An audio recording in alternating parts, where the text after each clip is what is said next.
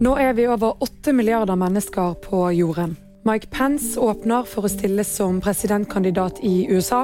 Og Claes Brede Bråten blir igjen sportssjef på hopplandslaget.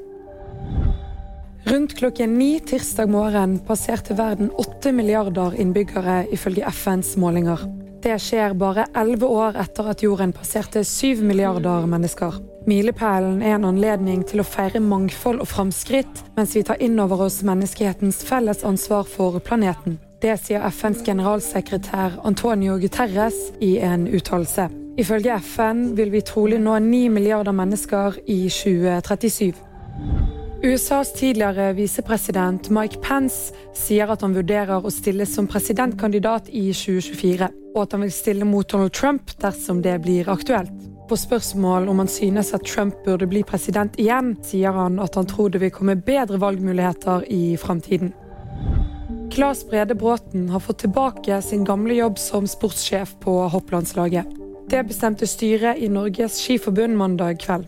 VG vet at nyheten er kommunisert internt til ansatte i Skiforbundet.